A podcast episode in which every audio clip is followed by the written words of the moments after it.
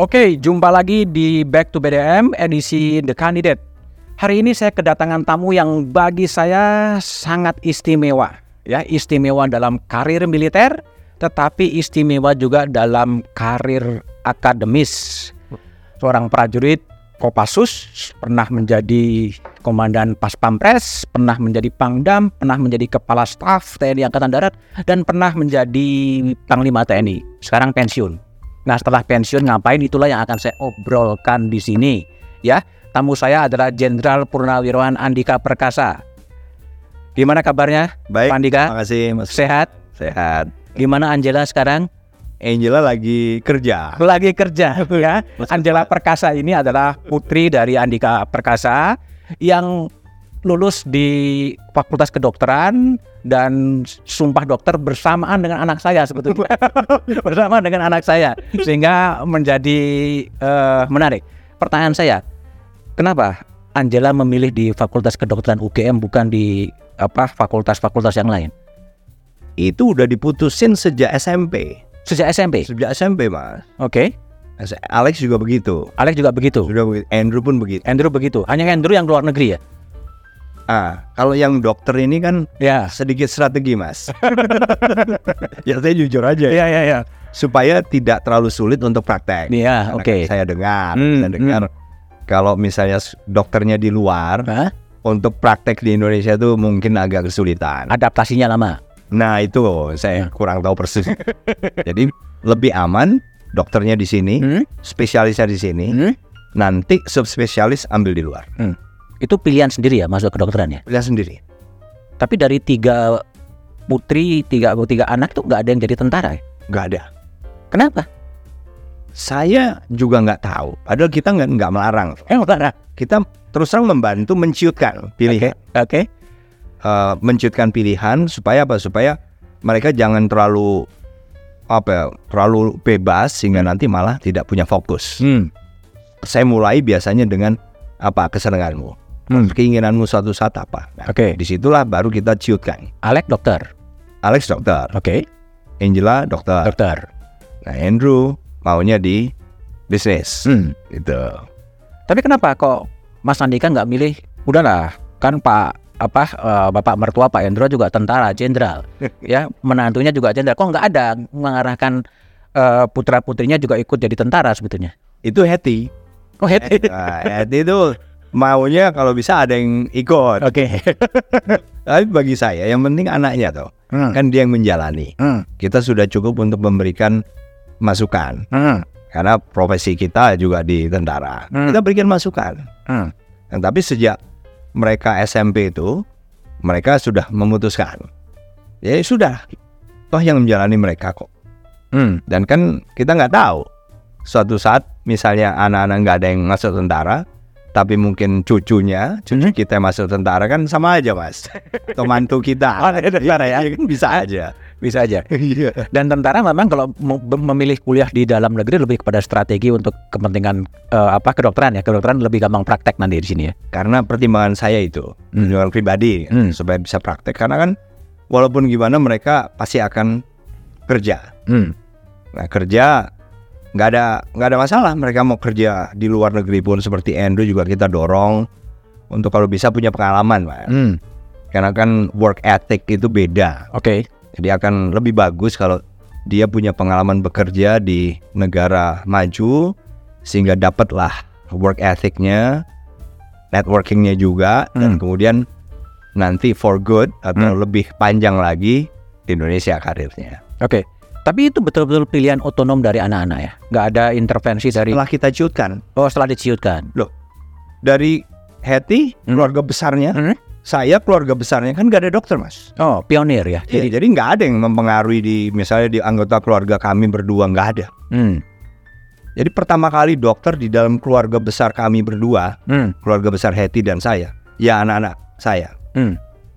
Termasuk Andrew masuk ke bisnis itu juga pilihan ot- eh, apa Iya. individu beliau. William, Hmm. saya kan udah menciutkan dan saya kadang-kadang kenapa nggak mau engineering Andrew? Hmm. gitu. Oke, di jalan ya. Iya. Terus Oh ya, ya nggak mau. nggak mau. Ya mau jadi. Karena memang eh, itunya di apa di di apa di di bisnis ya. Talentnya lebih di bisnis ya. Betul. Tapi kalau Mas Andika sendiri itu kan menarik ya. Artinya tentara sampai kemudian jenderal penuh, tetapi dari sisi background akademis kan mengantongi tiga master dan satu BC. Sebetulnya ngapain? Kok tentara harus pinter ya? Enggak, itu kan cuma beruntung aja mas. Oh, beruntung. Beruntung kita diberikan kesempatan untuk sekolah ke luar negeri. Hah? Jadi ya ke perbedaannya itu. Mhm. Karena apa? Fokus kita. Oke, Kalau di dalam negeri ini kan biasanya sekolah sambil kerja. oke. Kecuali dulu waktu kita belum menikah. Hmm. Itu kan kita kuliah itu biasanya masih fokus. Tapi kalau sudah punya kerja kemudian kuliah bisa. Tapi tetap agak menurut saya agak terbagi Hmm. konsentrasi.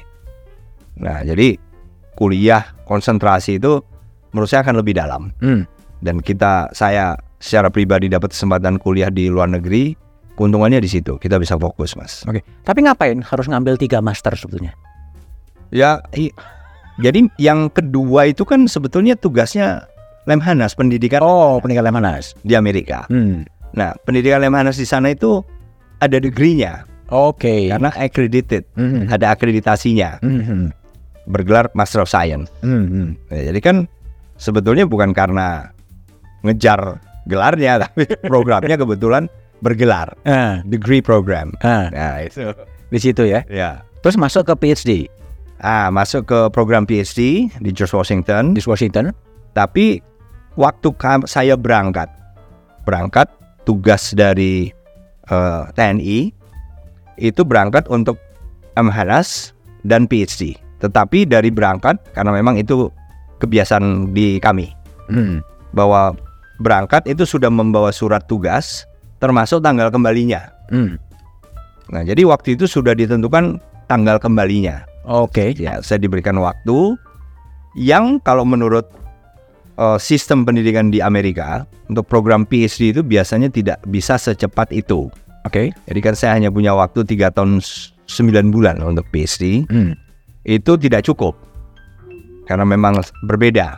Misalnya dengan sistem di Eropa yang biasanya masuk PhD langsung research. Hmm. Kalau di Amerika, coursework dulu mas. Coursework yang diselesaikan, semua mata pelajaran pokok elektif yang diperlukan, selesai, baru comprehensive exam. Kalau sudah lulus, harus field exam. Sudah lulus, karena kan kita masing-masing memilih fieldnya apa mas. Hmm. Hmm. Setelah lulus field exam, baru ada ujian lagi untuk candidacy. Saya sudah PhD candidate. Hmm. Nah, tapi terus harus pulang. Nah, karena memang surat perintah yang saya bawa sejak berangkat itu sudah ditentukan pulangnya tanggal berapa. Oh. Jadi saat saya kembali itu saya masih PhD candidate dan masih baru mulai disertasi. Akan diteruskan. Semoga. Semoga. Semoga. Semoga ada waktu Mas ya. Semoga aja ada waktu. Iya. Sekarang kan lebih banyak waktu kan harusnya? Ya kan baru. Oh, baru. Baru, baru 6 bulan. Baru enam bulan. Ya baru bayar utang dulu nih. baru bayar utang puas-puasin dulu lah. Bahas-bahasin dulu ya. Yang tadinya bangunnya jam setengah lima atau jam 4 sekarang kan bisa jam setengah tujuh gitu. Lebih rileks. Iya lebih rileks. Selain sukses karir di militer dan juga di akademis ya.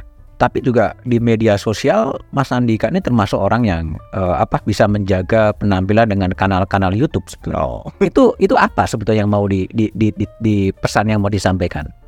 Kita kan saya mulainya Mas itu sebetulnya pada saat saya masih kolonel ya Mas ya. Kolonel. Kolonel jabatan saya waktu itu komandan pendidikan.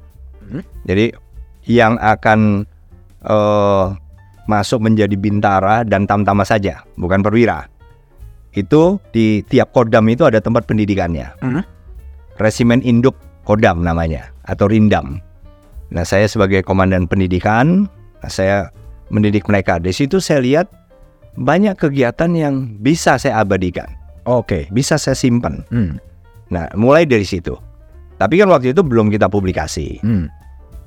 Nah, terus saya kemudian dapat kesempatan jadi kepala dinas penerangan Di Angkatan darat Angkatan Darat. Oke. bintang satu. Iya, iya. Nah, di situ karena memang tugas pokok saya untuk me, apa ya, mengangkat nama TNI Angkatan Darat ya harus harus makanya mungkin di situlah juga perkenalan saya dengan Kompas Hmm. dengan semuanya waktu itu. Ya. Itu yang kemudian me, apa ya memperkenalkan saya pada dunia publikasi. Dan itu bagi Mas Andika termasuk penting. Artinya dibandingkan dengan perwira-perwira tinggi yang lain kan tidak cukup punya kesadaran untuk mengkomunikasikan activities dan eh, baik itu individu maupun kedinasan. Menurut saya sangat penting. Hmm? Karena waktu itu, waktu itu public affairs ini eh, di dalam eh, ini ya pembicaraan kami-kami eh, para perwira bukan termasuk jabatan yang dianggap sangat diperebutkan. Kalau yang diperebutkan itu misalnya kalau bintang satu, misalnya eh, ke- kepala staf divisi Hmm. atau komandan korem yang Hmm. bintang satu atau eh, jabatan di kosrat Hmm. jabatan di Kopassus gitu gitulah yang sifatnya sangat eh, apa ya combat combat related. Combat related. Nah saya kemudian berpikir ya saya kan mungkin di jabatan-jabatan itu saya nggak tahu lah apakah saya bisa masuk atau enggak. eh kebetulan saya ditanya saya masih kolonel ini. Ah. Saya masih komandan korem di Sibolga. Saya ketemu Kasat, Kasat tanya, Dik, kamu kalau jabatan bintang satu pengennya di mana?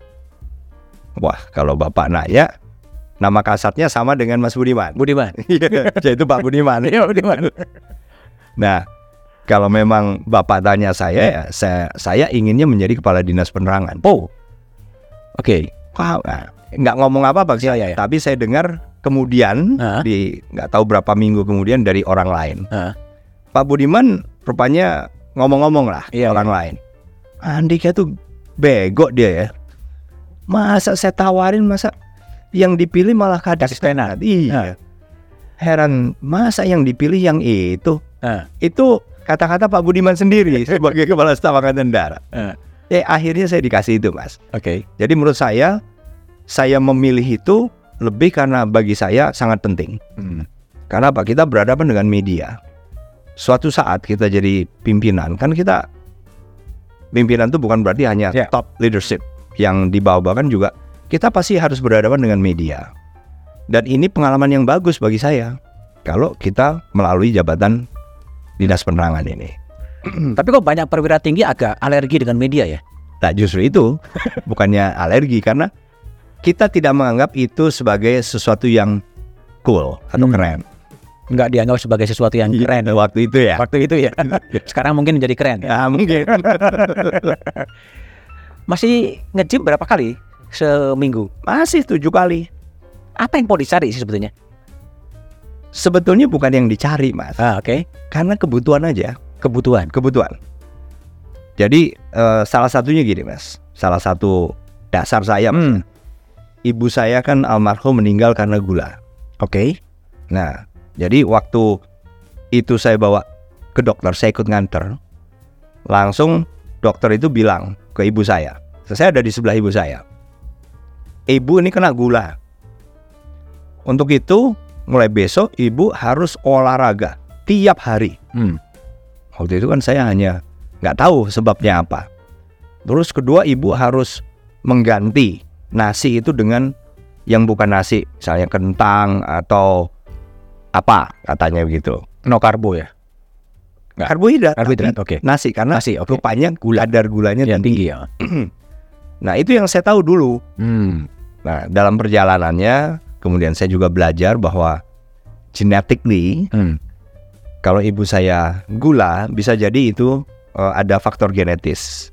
Kalau genetis berarti saya anak-anaknya ini potensinya adalah enam kali lebih besar. Oke. Ini scientific mas, Hmm, hmm. enam kali lebih besar peluangnya untuk juga kena gula. Belum tentu, tapi enam kali lebih besar.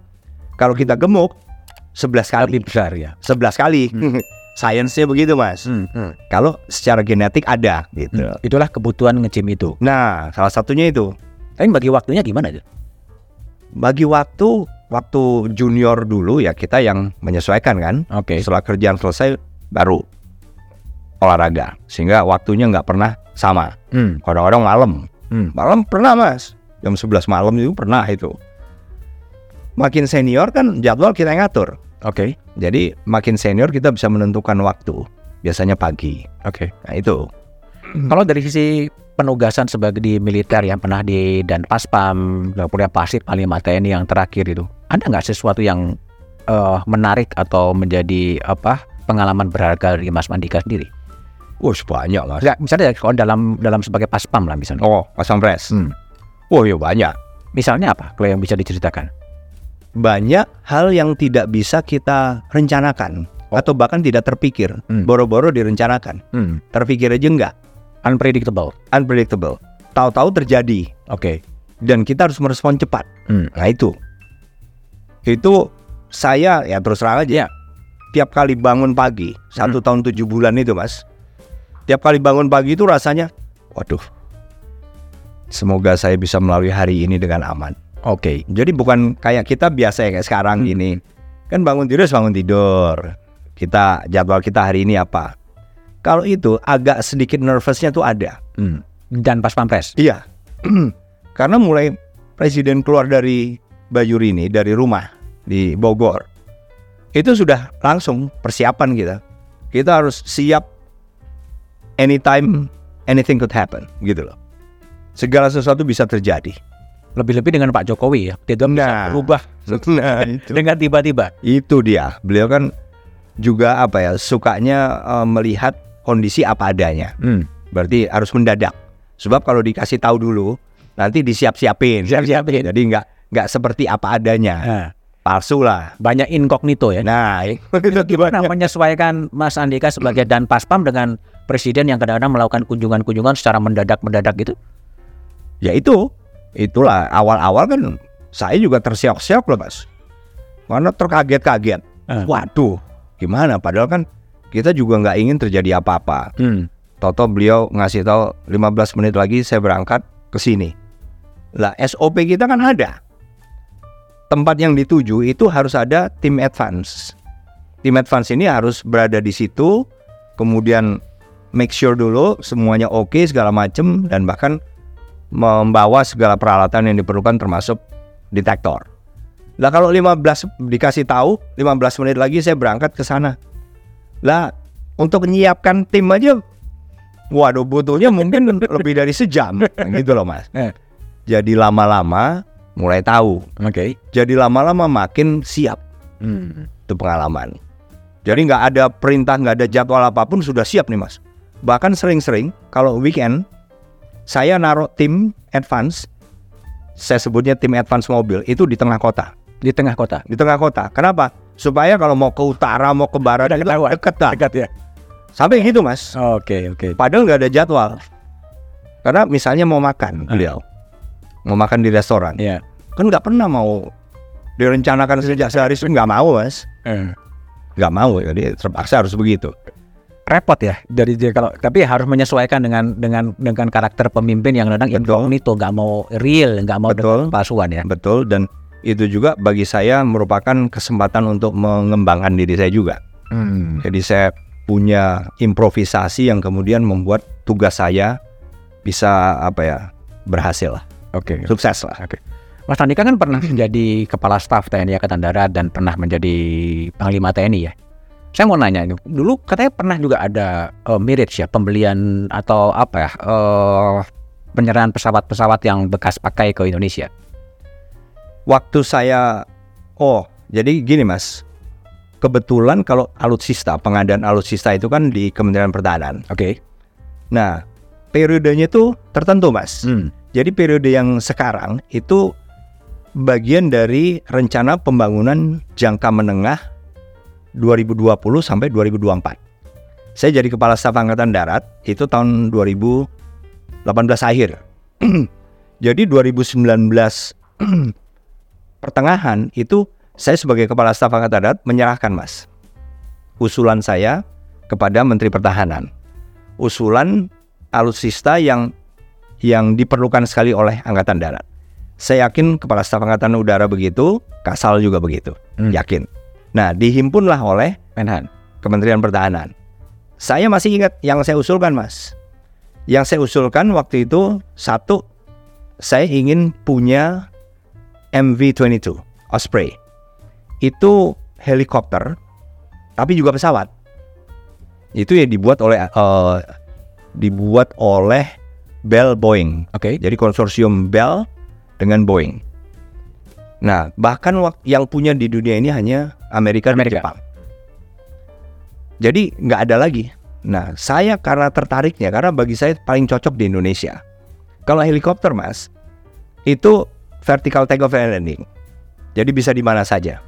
Tapi masalahnya kecepatannya. Lambat. Hmm, Lebih lambat. Kecepatannya itu paling 100 yang paling cepat sekarang 165 lah Hmm. knot gitu loh per jam. Nah, sehingga jarak capainya itu biasanya terbatas. Misalnya, kalau di helikopter dari Jakarta ke Makassar itu harus mampir-mampir dan refuel, Mas. Gitu loh, yang kita punya sekarang ya. Tapi namanya Osprey ini karena dia sayapnya itu, sayapnya bisa dibuat ini menjadi baling-baling Hmm. tapi setelah di atas itu untuk take off dan landing. Setelah di atas dia bisa jadi fixed wing.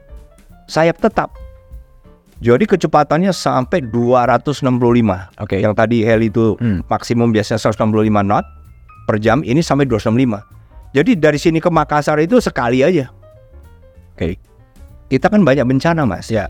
Itu aja. Jadi menurut saya sangat berguna. Itu udah didapat. Nggak didapat. Nggak didapat. Tapi kan saya ngusulkan. Usulin. Iya. Saya ngusulkan bahkan Mas karena saya serius Hmm. US Congress. Hmm. Jadi mereka tuh untuk dibeli saja, mereka harus di approve dulu sama US Congress mas. Oke. Itu US Congress sudah mengeluarkan eh, apa keputusan yang approve untuk penjualan kepada Indonesia. Bayangin mas, Hmm. itu sudah waktu itu sampai ke situ. Tapi kan keputusan tetap di ada di Kementerian Pertahanan. Menteri Pertahanan. Tapi alutsista gimana sih kira-kira sekarang pada posisi udah oke sepeninggal Mas Andika sebagai Panglima TNI? Ya berarti kan yang berjalan sekarang mas, itu kan berarti tadi usulan-usulan dan usulan dari Kepala Staf Angkatan dan keputusan dari Menteri Pertahanan sesuai dengan eh, periodenya 2020 sampai 2024. Jadi ya saya tidak tahu Hmm. proses selanjutnya Hmm. pada saat saya jadi Panglima pun kan saya harus mengurusi eh, tupoksi saya, Oke. bukan lagi tupoksinya Ya, Kepala. Staf Angkatan Darat. Oke. Jadi terus terang saya tidak tahu persis perkembangannya. Oke. Mas, kalau soal ngomong soal Papua ya, itu kan Mas Andika kan lama juga menyoroti eh, apa eh, Papua ya dengan berbagai operasi-operasi. Ya. Tapi sampai sekarang kemudian juga Papua ini belum selesai-selesai lah, belum masih terus menjadi eh, terjadi gejolak di sana. Nah, dalam perspektifnya Mas Andika yang pengalaman di militer dan punya juga kecakap apa pemahaman akademis, apa yang salah atau apa apa, apa yang terjadi dengan Papua itu? Ya menurut saya kompleks sekali mas. Kompleks. kompleks sekali. Jadi pertanyaan Mas Budiman itu kan kenapa nggak selesai-selesai? Oke. Jangankan selesai, Hmm. bisa-bisa hilang itu Mas. Bisa bisa hilang. hilang. Loh kan kita sudah juga mengalami Timur Timur. Timur Timur. Oke. Bukan hanya dialami oleh negara lain loh Mas. Hmm. Jadi ini tidak gampang. Oke. Kalau nggak hati-hati, boro-boro kita menyelesaikan, bisa-bisa hilang. Jadi saya karena saya dulu pernah ke sana, saya dalam pertumbuhan karir saya juga melihat, mengamati, sehingga pada saat saya menjadi kepala staf angkatan darat, kemudian panglima, ya saya buat keputusan yang menurut saya justru me- memperbesar peluang keberhasilan saya. Karena tugas kita kan TNI ini menegakkan kedaulatan NKRI dan mempertahankan keutuhan wilayah. Itu kan tugas kami. Nah, bagi saya approach yang saya lakukan pada saat saya menjabat itu yang akan lebih menjamin Hmm. daripada yang sifatnya kinetis tetapi malah banyak korban, Hmm. banyak collateral damage. Collateral damage ini kan korban yang kecelakaan dan ini yang gitu itu yang bisa kemudian nanti bahkan menyulut mas reaksi eksternal luar sehingga kadang-kadang kita bisa kehilangan malah Bisa kehilangan itu kan apa? Artinya akan dia akan menjadi negara merdeka sendiri atau ya ya itu melalui referendum seperti di Timur Timur? ya ya itulah mas itu yang saya cegah Saya yang cegah. karena itu juga bukannya tidak mungkin Hmm. sangat mungkin juga terjadi makanya kita harus hati-hati satu betapapun kita inginnya untuk me- menjaga kita juga harus ingin harus bisa memastikan tidak ada korban Hmm. yang tidak perlu Di kedua belah pihak. Di kedua belah pihak udah jelas. Jadi yang tadinya mungkin ofensif, satu yang bagi saya sudah masalah nih soal kewenangan. Apa kewenangan kita di sana? Kan sejauh ini kondisinya normal. Normal mas, nggak ada perintah atau deklarasi dari siapa pun atau putusan dari siapa pun yang menyatakan bahwa ini adalah daerah operasi militer. Nggak ada. Berarti berarti kan harus berlaku Tertib sipil. tertib sipil dengan semua peraturan perundangan yang harus ada. Kita sebagai apa? Ya kita kan sebagai TNI yang tugasnya dibutuhkan apabila kondisi tertentu terjadi. Kalau tidak, ya nggak nggak boleh sa, maksudnya semaunya. Apakah status ini, status dalam posisi tersip, tertib sipil ini yang membuat Papua tidak selesai-selesai? Ah, menurut saya enggak, Enggak. enggak. Ya menurut saya ini justru malah yang benar. Oke. Karena apa? Karena jangan sampai ada kesan yang sifatnya darurat. Karena memang nggak ada kok. Iya betul bahwasanya di sana tindak kekerasan oleh kelompok ya, kelompok bersenjata atau kelompok yang menginginkan eh, apa pun itu tujuan mereka. Mereka kan melakukan tindakan-tindakan kekerasan yang melebihi batas-batas kemanusiaan. Jadi, iya itu bukan sesuatu yang bisa kita terima, tapi juga menanganinya juga jangan sampai kita membuat kesalahan baru malah. Hmm. Itu sebuah kesalahan dilakukan oleh kelompok bersenjata. Tapi menanganinya jangan sampai menambah kesalahan yang lebih besar. Oke. Atau jangan-jangan terlalu banyak des yang ngurusin Papua sehingga penanganannya menjadi tidak komprehensif. Iya, ah, itu saya nggak tahu. saya nggak tahu. Tapi memang, Mas, menurut saya eh, kompleks lah. Makanya saya Kompleks. bilang tadi kompleks. Oke. Karena saya melihatnya gini, Mas. Apabila setiap tahun, tiap tahun anggaran ya, Hmm. masing-masing kabupaten itu membangun fasilitas umum baru.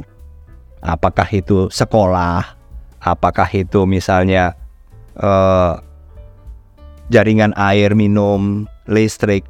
Setiap tahun harus ada lah, tambah satu. Masa tambah satu aja nggak bisa? Hmm. Tambah satu sekolah, tambah satu puskesmas dengan isinya maksudnya. Masa nggak bisa sih? Hmm. Ya, kalau nggak bisa, kenapa? Ya itu tadi karena kompleks. Nggak tahu karena pejabatnya yang me- memandang itu tidak perlu atau anggarannya nggak cukup, nggak cukup dalam tanda petik, sehingga diprioritaskan ke hal lain. Jadi memang sangat kompleks. Tapi kalau sebetulnya semua masing-masing bagian, mas, melakukan tugasnya seperti di daerah lain, bukannya tidak mungkin, mas. Tidak mungkin selesai damai. Enggak, bukannya tidak mungkin bahwa mereka hidupnya akan normal. Pasti mungkin, Pasti mungkin. pasti. Hmm. Hanya tadi, ya gimana kalau sekolah aja nggak ada, Hmm. lepus puskesmas aja nggak ada misalnya. Hmm. Apa pun masalahnya ya. Iya, iya, iya. Seperti misalnya saya membangun pos. Hmm. Saya Panglima TNI hanya setahun, Mas. Dan saya punya anggaran yang saya kelola tahun itu. Ya. Itu saya paksakan, Mas. Untuk bisa menyisakan antara lain saya membelikan kendaraan motor untuk operasi. Empat kali empat. Bukan hanya kendaraan biasa. Sebanyak 50 mobil untuk operasi. Karena di sana medannya kan begitu. Motor saya membelikan 295 khusus untuk Papua. Termasuk pos tadi. Kalau setiap tahun, setiap tahun misalnya Panglima TNI juga melakukan hal yang sama. Saya yakin kok setelah 10 tahun gitu sudah lebih bagus kondisinya. Iya, Jadi ada discontinuity ya sebenarnya. betul. Eh, ketidak apa ya? Ketidaksinkronan antara masing-masing bagian Oke. pemerintah. Seperti kasus pilotnya Susi Air, udah hari ke berapa, bulan ke berapa, tidak selesai. Dan kemudian ada suara-suara harus ada perdamaian antara pemerintah dengan dengan KKB. Gitu. Gimana kalau Mas Andika melihat ini? Saya kayaknya nggak mau komentar ya mas, Oke, karena saya nggak punya gambaran lengkapnya. oke, oke, oke. Kan untuk mengomentari itu saya harus tahu variabel-variabelnya. Dan saya itu kan terjadi setelah saya benar-benar pergi kan. Iya, iya, iya, iya. Oke lah, baik. Itu Papua ya. Saya ingin tanya Mas Andika, kalau kita lihat soal militer dan politik ya, artinya kan sejak reformasi kemudian eh, tentara kemudian lepas ya menjadi berdiri sendiri dan berdasarkan hasil survei sebetulnya adalah eh, TNI lah yang sebenarnya tingkat kepercayaan publiknya begitu tinggi relatif dibandingkan dengan negara-negara lain.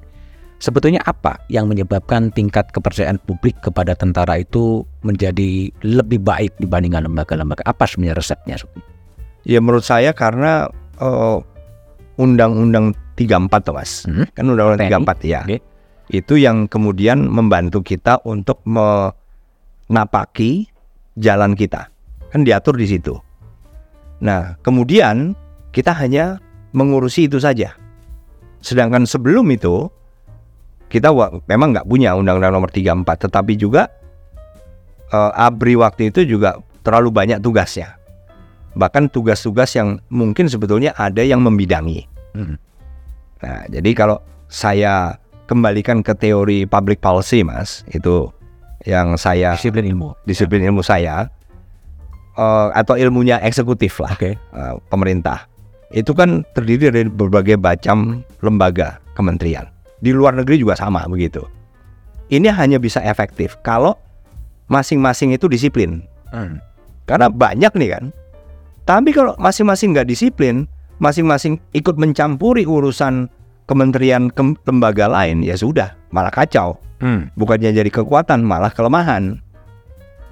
Jadi keberhasilan TNI bagi saya dan pada saat saya menjabat juga itu yang saya pastikan pada saat saya kasat tiga tahun dan satu tahun panglima saya pastikan jangan sampai kita melibatkan diri ngurusi yang bukan tugas pokok kita. Nggak boleh.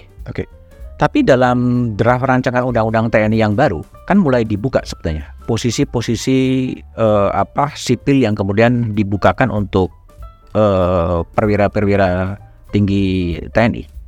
ya saya saya nggak tahu mas. Sekarang saya tidak ikut dalam eh, menyusun draft itu Tapi sebaiknya gimana kalau Mas Andika menempatkan posisi militer dalam eh, sistem demokrasi di demokrasi ini?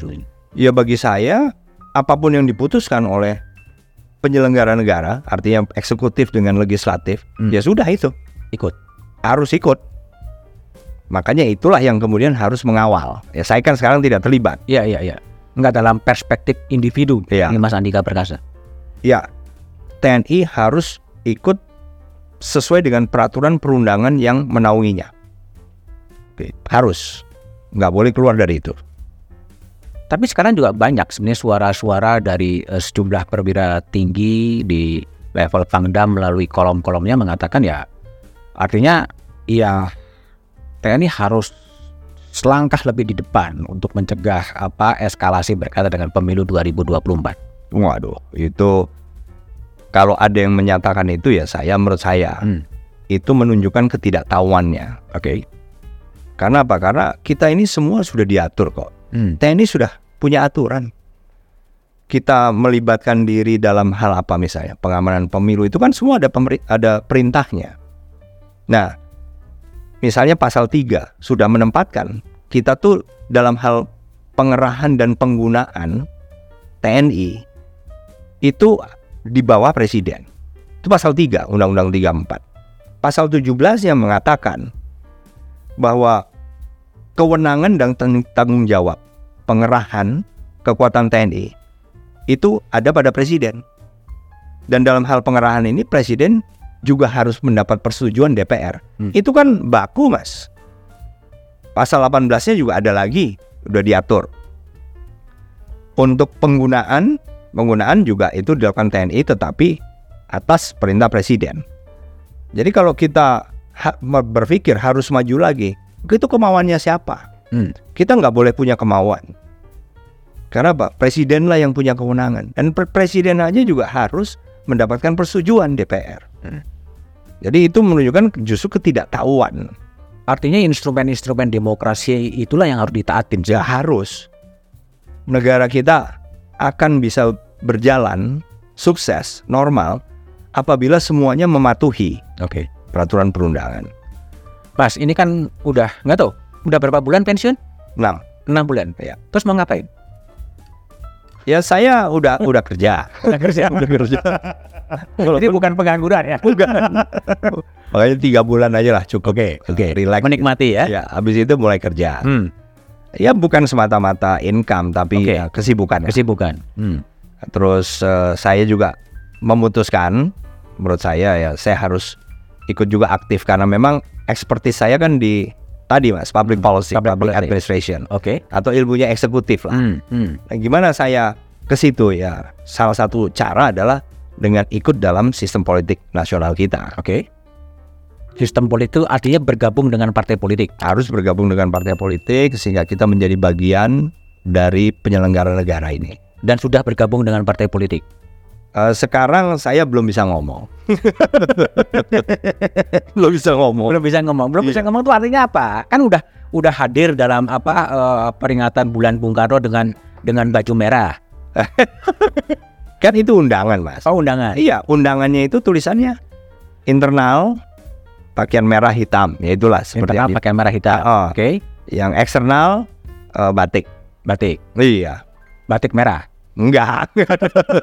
Pokoknya batik kan gitu. Oke. Oke. Jadi ya kebetulan aja. batik Eh, warna Nah, merah. Mas Andika diundang sebagai eksternal atau internal sebetulnya? Ya, ya eksternal saya pakai batik. Kalau internal kan berarti saya sudah Oh. pakai tadi merah tapi, hitam tapi, tadi. tapi batiknya merah tadi ya. Iya. Tapi udah punya betul, udah punya KTA PDI Perjuangan. Nah, ya itu yang saya belum bisa ngomong. Belum bisa ngomong. Iya. Harus bersabar lah ya. Ya, karena memang ya tadi saya belum bisa ngomong. Tapi artinya gini, akan terjun ke politik praktis. Ya saya saya ingin ke sana. Hmm. Dalam rangka tadi mau apa ya? Bagaimana saya ikut membantu. Hmm. Eh, apa yang saya miliki expertise maksud saya bisa saya gunakan untuk membantu eh, penyelenggaraan pemerintahan. Politik praktis akan sampai sejauh mana?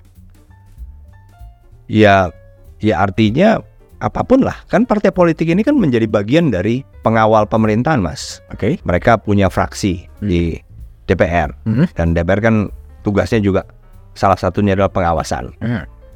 Eh, partai politik juga punya orang-orang di eksekutif. Hmm. Nah, jadi menurut saya eh, itu semua menjadi bagian Hmm. dari peran atau keterlibatan kita dalam penyelenggaraan negara. Oke. Jadi salah satu pintu masuknya adalah melalui partai politik. Dan partai politiknya itu PDI Perjuangan atau partai politik yang lain? Ya itu yang belum saya bisa ngomong. Belum bisa ngomong. Tapi gini, kalau kita lihat eh, kiprah atau eh, harapan publik terhadap Mas Andika kan ketika Nasdem dulu berbicara salah satu nomine untuk menjadi eh, bakal calon presiden kan salah satunya namanya Mas Andika Iya. Tapi kan waktu itu saya masih aktif, Mas. masih aktif. Iya. Oke. Saya nggak dikasih tahu itu. Oh nggak dikasih tahu. Nggak dikasih tahu, tahu-tahu muncul gitu So, kan. muncul nama Mas apa Mas Mas Mas Ganjar Iya. dan Mas Anies dan Mas Andika. Iya. Nggak diberitahu sama sekali. Enggak. Oke. Sebelum itu enggak. Ya, saya Dan nggak ada conversation sama sekali. Enggak ada, enggak ada. Ya itulah yang kemudian eh, tapi bagi saya kan ya itu hak orang. Hak orang. Ya hak, hak orang ya silakan saja, tapi Hmm. Saya kan masih aktif. Nah sekarang kan udah pensiun 6 bulan. Iya. Akan ke mana? Apakah tetap ke Nasdem? Apakah ke PDI Perjuangan? Nah, ya itu yang belum saya bisa ngomong. Mas. ya, apa ya? Yang penting proses itu sudah ada, hanya saya memang belum bisa ngomong. Oke. Itu. Tapi nama Mas Andika kan disebut-sebut juga sebagai baca wapres. Oh ya, saya saya ya kan bukan pilihan bukan saya yang milih gitu loh. Ya. Bukan kewenangan saya juga. Hmm. Ya apa pun itu saya siap. Termasuk baca wapres. Tapi baca wapres yang mana nih? nah, ya itu. saya ya saya pokoknya siap Mas kalau ditugaskan. Ditugaskan siapa? Ditugaskan oleh yang selama ini komunikasi. Itu siapa? Ya itu yang saya nggak ngomong. Tapi betul nggak sih katakanlah kalau katakanlah dengan dengan dengan PDI Perjuangan sudah disebut-sebut masuk dalam eh, nominasi untuk baca wapres, lalu juga disebut-sebut sebagai ketua eh, tim pemenangan dari Mas Ganjar. Sudah ada pembicaraan itu? Kalau pembicaraan dengan saya tentang isu itu belum ada, Mas. Belum ada. Belum ada. Yang ada Yang ada kalau kita ketemu membahas apa itu ya memang ada komunikasi. Hmm. Tapi spesifik tentang itu belum ada. belum ada. Itu Belum masih masih spekulasi-spekulasi liar atau apa? Tes Ya mungkin salah satu kemungkinan ya kalau Hmm. saya melihatnya diucapkan kalau oleh uh, pejabat, pejabat Hmm. PDIP yang yang menurut saya juga mengatakan salah satu kemungkinan Hmm. karena yang memutuskan kan juga ketua umum nanti. Hmm. Tapi di antara tiga calon yang ada, yang sekarang muncul, eh, Mas Ganjar, Mas Anies, dan Mas Pak Prabowo, lebih lebih lebih mana pilih preferensi dari Mas Andika? Preferensi saya Mas Ganjar. Kenapa? Ya banyak mas, tapi saya hanya merasa lebih pas. Hmm? Karena tapi saya yakin juga bahwa ketiga-tiganya udah bagus. Udah bagus. Bagus. Yang pasti mereka semua ingin masing-masing ya, pasti ingin membuat Indonesia lebih maju. Tapi, Tapi yang ya tetap aja oke preferensi individual Preferensi. lebih kepada Mas Ganjar. Ma- Mas Ganjar. ya. Dan itu udah udah ada sampai sejauh mana sih pembicaraan dengan elit-elit PDIP? Ya, saya ng- kalau membicarakan soal tadi apa peran apa nanti itu belum ada, Belum ada. belum ada. Tapi apa pun Mas Andika eh, siap lah ya. Siap. Di- ditempatkan di, di di posisi apa sebagai Apa pun. ruang pengabdian. Betul, betul. Kalau bisa disebut gitu meskipun apa eh, tiga kandidat yang terkuat ini eh gimana sih plus minusnya kalau menurut Mas gimana kalau pandangannya Mas, Mas Andika terhadap eh, katakanlah Mas Pak Prabowo gitu. Ya kalau beliau saya kenal sudah lama sekali, Hmm? saya pernah menjadi anak buah beliau juga. Ya beliau pengalaman, Hmm. pengalaman jelas eh, lebih panjang lah Hmm. daripada Mas Anies dengan Mas Ganjar. Eh, juga keinginannya untuk memajukan Indonesia ini juga sangat terlihat bagi Oke. saya. Ya itulah. Oke. Mas Anies? Mas Anies, ya Mas Anies juga punya pengalaman yang cukup bervariasi ya di eksekutif, di tingkat nasional maupun di tingkat provinsi, yang menurut saya juga pasti akan eh, apa ya memberikan background yang cukup bagus lah untuk beliau nanti me, apa ya mewujudkan apa pun yang diinginkan. Oke. Kalau Mas Ganjar? Mas Ganjar agak berbeda, punya pengalaman legislatif, juga punya pengalaman eksekutif walaupun di provinsi itu juga melengkapi juga. Hmm. Jadi masing-masing punya kelebihan, Mas. Tapi preferensi individual dari Ya. Mas Andika pada Mas Ganjar. Ya. Kalau seandainya Nasdem kemudian menarik lagi balik kemudian Anies Andika itu gimana? Ya. Ya intinya ya itu tadi kalau saya punya pilihan pribadi, Oke. saya lebih mendukung Mas Ganjar. Hmm. Oke. Gini, Mas Andika, ini apa eh, pertanyaan agak sedikit sedikit abstrak ya. Saya ingin tahu ya. Mas Andika kan lama di militer ya, eh, background akademisnya pun eh, luar biasa ya. Dalam perspektifnya Mas Andika sebetulnya, apa sih sebetulnya masalah bangsa Indonesia yang membuat bangsa ini tidak secepat melaju perkembangan katakanlah dengan Korea Selatan. Apa sih core of the core problem dari Indonesia ini? Ya eh, menurut saya Mas Budiman ya, Hmm. salah satu adalah memang disiplin. Disiplin. Disiplin. Oke. Karena negara kita lihat aja Mhm. sekarang negara yang lebih maju itu begitu kita ada di negara itu kelihatan kok Oke. lebih disiplin itu artinya hukumnya Hmm. itu lebih keras sehingga lebih sulit kita untuk tidak mengikuti hukum misalnya contoh kecil kita ke Singapura Singapura. kita ke Singapura ya ternyata kita bisa Hmm. walaupun berbagai macam aturan yang eh, banyak yang berbeda dibandingin kit- pada saat kita di Indonesia nah itu kan juga salah satu yang membuat Singapura menjadi seperti sekarang income per kapita tertinggi di dunia bayangin tertinggi loh Amerika bahkan kedua kalau tidak salah Hmm. jadi kan menurut saya itulah yang diperlukan. Kenapa? Karena memang kita tidak bisa semaunya. Oke. Kalau kita kolektif, kita penduduk dengan jumlah terbanyak nomor 4 di dunia. Berarti kan semakin sulit, makin banyak orang kan semakin sulit. Kemauannya makin banyak berarti. Nah, hal ini yang harus kita ciptakan.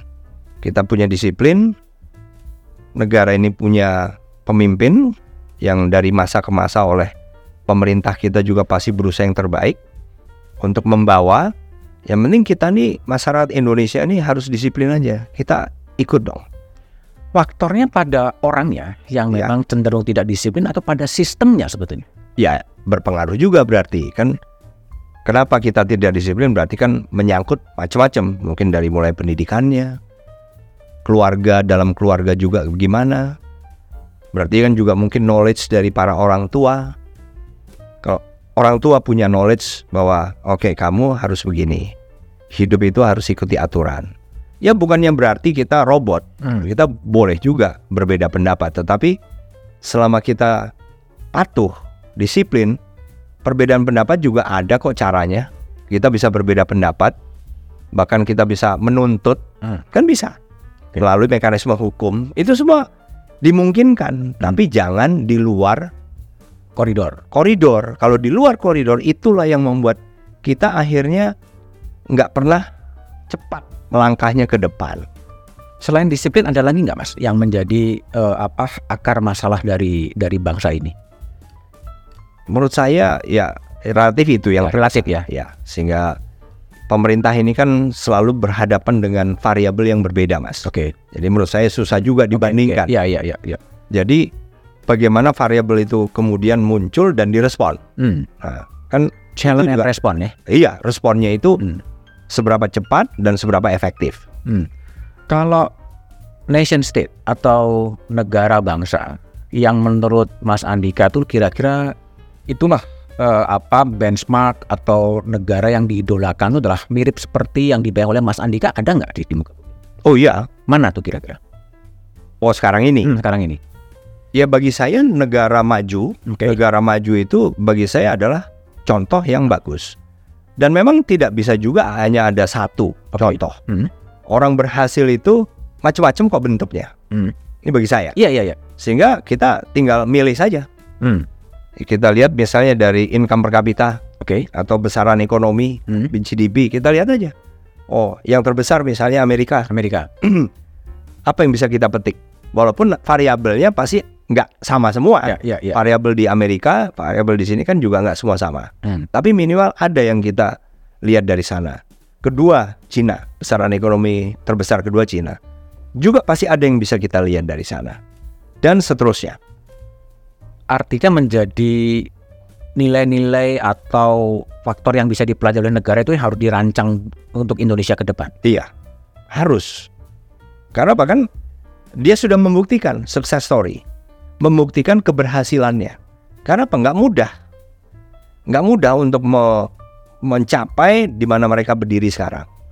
Nggak mudah mencapai income per kapita misalnya sampai dengan 56 ribu Hmm. US dollar per Hmm. kapita per tahun. Oke. Kita masih 4.700. Sudah bagus, bukannya masih. Sudah bagus. Sudah maju terus, naik terus tiap tahun.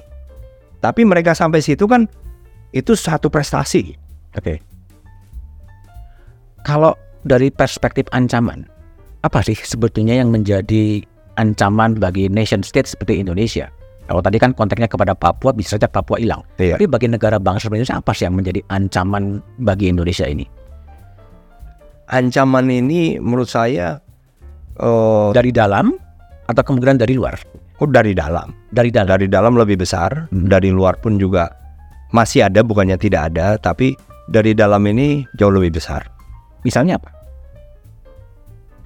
Ya itu tadi, misalnya dimulai dari ketidaksepakatan tentang satu ide atau satu kebijakan.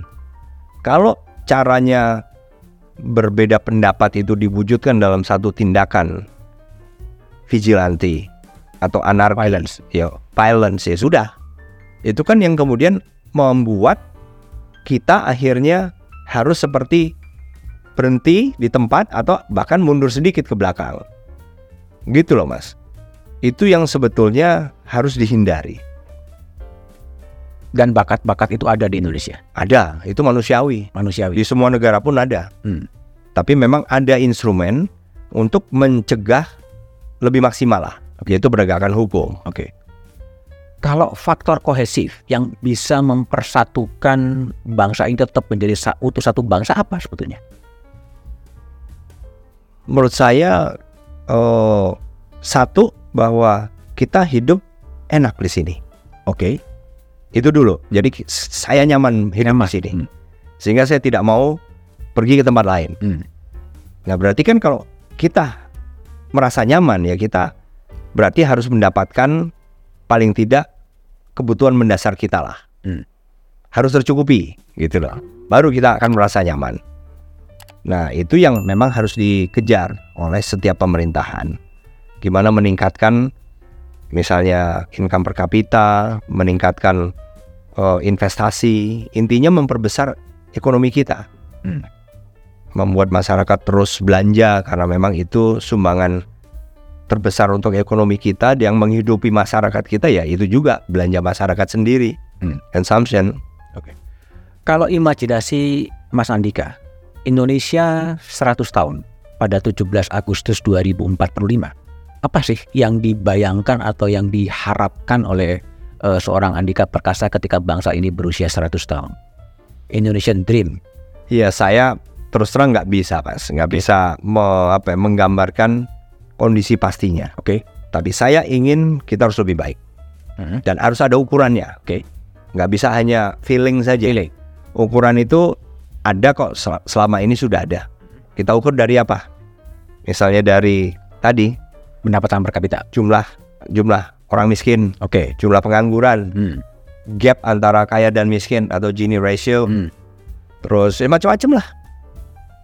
Tapi optimis menuju Indonesia emas 17 Agustus 2045? optimis karena karena apa? Karena bukan hanya sekedar perasaan, sudah ditunjukkan kok mulai dari pemerintahan Presiden Soekarno sampai sekarang secara nominal meningkat terus besaran ekonomi kita.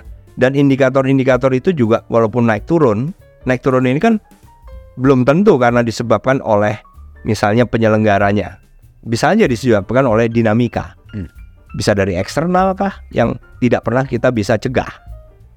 Gitu loh. Jadi sudah dibuktikan bahwa perjalanan kita ini sudah meningkat terus. Nah, tinggal mungkin bisa nggak lebih cepat dikit. Hmm. Eh, meningkat sih meningkat, tapi kan meningkat bisa dicapai 100 tahun atau bahkan bisa dicapai dalam 80 tahun udah udah tercapai. Nah, kecepatan ini yang perlu mungkin terus ditambah lah. Sistem pemilu kita memungkinkan nggak sih terjadinya sebuah continuity? Yang sering terjadi kan sebenarnya diskoneksi ya. Keterputusan mulai dari nol, mulai dari nol, mulai dari nol lagi. Sehingga pergerakannya ya maju mundur, maju mundur. Ya, kalau dari nol itu kan menurut saya tinggal eh, tadi mas, menurut saya apakah presiden terpilih atau pemerintah terpilih itu punya pikiran yang sama? Hmm. Menurut saya setiap pemerintah, seperti saya bilang dari awal tadi, setiap pemerintah itu pasti ingin membawa Indonesia ke tempat yang lebih bagus. Oke. Nah, itu yang harus kita jaga, siapa pun yang mengganti. Tinggal kita menyempurnakan, karena selalu ada ruang penyempurnaan dan harus. Hmm. Kalau nggak ada yang disempurnakan ya berarti kita akan berhenti di tempat. Oke. Jadi selalu harus ada, karena begitu banyak ruang untuk penyempurnaan. Hmm. Dan itulah salah satu teori organisasi. Hmm. Organisasi apa pun, sekecil apa pun ya harus begitu. Kalau mau maju kita harus terus perbaikan. Oke. Karena variabel dari luar dari dalam juga nggak selalu sama. Hmm. Oke, Mas Andika, kalau dalam perjalanan karir gitu, eh saya ingin tahu siapa sih eh, apa tokoh bangsa di dalam maupun di luar negeri yang menjadi idola dari Mas Andika? Wah ya banyak mas. Misalnya, ya kalau saya melihat dari yang eh, berhasil berhasil saja. Ya, dari presiden mulai presiden pertama Soekarno, Soekarno. masih banyak nilai yang saya kagumi. oke, Banyak lah. hmm. Presiden Soeharto juga begitu. Hmm. Kemudian Presiden Habibie Hmm. juga. Hmm. Masing-masing punya kelebihan. oke, Nah, menurut saya itulah yang kita perlu ambil. hmm. Jadi kalau hanya satu saja mungkin akan sedikit bias. Hmm. Ya karena tadi karena kan variabel yang dihadapi oleh eh, misalnya Pak Karno beda. belum tentu sama ya atau beda dengan variabel yang dihadapi oleh Pak Harto. Tapi Mas, refleksi Mas Andika ya. Kenapa peralihan kekuasaan dari Soekarno ke Soeharto, Soeharto ke Habibie, Habibie ke Gus Dur, ke Bu Mega, ke Pak SBY, dan ke Pak Jokowi selalu tidak pernah bisa mulus, selalu meningga- meninggalkan psychological barrier di antara para pemimpin itu. Ya menurut saya eh, ya itu yang harus menurut saya harus kita perbaiki lah. Hmm, Karena walaupun gimana kalau kita melihat sisi positifnya hmm, kan selalu ada. Hmm. Setiap orang ini memiliki sisi positif. Dia pasti berusaha setengah mati lah. Nggak ada presiden yang kemudian ingin menghancurkan kita kan nggak ada. Hmm. Selama kita menyadari bahwa pasti sudah melakukan yang terbaik, terlepas dari achievementnya se sejauh mana, karena kan itu juga dipengaruhi oleh tadi variabel-variabel dan nggak bisa sama. Hmm. Yang penting kita tahu dia sudah berusaha yang terbaik. Ya sudah, yang melanjutkan kita bicarakan apa yang perlu ditingkatkan dan yang tadi yang sudah selesai pun jangan kemudian merasa bahwa oh ini karena nggak suka sama saya. Bukan. Hmm. Menyempurnakan itu kan dalam rangka me- membawa kita ke situasi atau kondisi yang lebih maju. Mungkin nggak? Kalau di Amerika ada semacam presiden club, gimana presiden-presiden Amerika selalu bertemu untuk berbicara ya dengan kerahasiaan mereka dan kemudian mencarikan solusi atas berbagai masalah. Kenapa di Indonesia nggak bisa terjadi? ya Nggak perlu. ya ya bagi saya ketemu atau enggak itu eh, tidak tidak terlalu berpengaruh Oke. tapi yang berpengaruh bagi saya adalah kebesaran kebesaran jiwa saja Kebesaran jiwa. kebesaran jiwa saja ya saya sudah bukan tidak menjabat lagi ya menjabat. saya percayakan Hmm. kalau semangatnya gitu ya saya Ya. percaya pemerintah yang baru pasti akan me- apa ya membuat peraturan-peraturan regulasi segala macam yang lebih baik apabila ada yang kebetulan berlawanan dengan yang misalnya sudah dibuat oleh pendahulunya itu jangan dianggap sebagai satu sentimen pribadi tapi lebih oke ada yang perlu disempurnakan kok Diempurnakan. ya Oke, jadi kalau kembali ke 2024, posisi Mas Andika adalah apa? Apa pun yang akan ditugaskan akan siap gitu. siap Mudah-mudahan sukses gitu ya. sukses dan kepada tiga calon atau berapa pasang pun nanti yang akan masuk race itu pun juga harus punya kesamaan. Siapa pun yang menang nanti itu yang terbaik untuk bangsa kita. Oke. Kita dukung. Baik, Mas Andika Perkasa. Demikian teman-teman obrolan saya dengan Panglima mantan Panglima TNI Andika Perkasa. Saya telah mencoba menggali mimpi-mimpinya dan karir-karir politik setelah Mas Andika pensiun dari militer.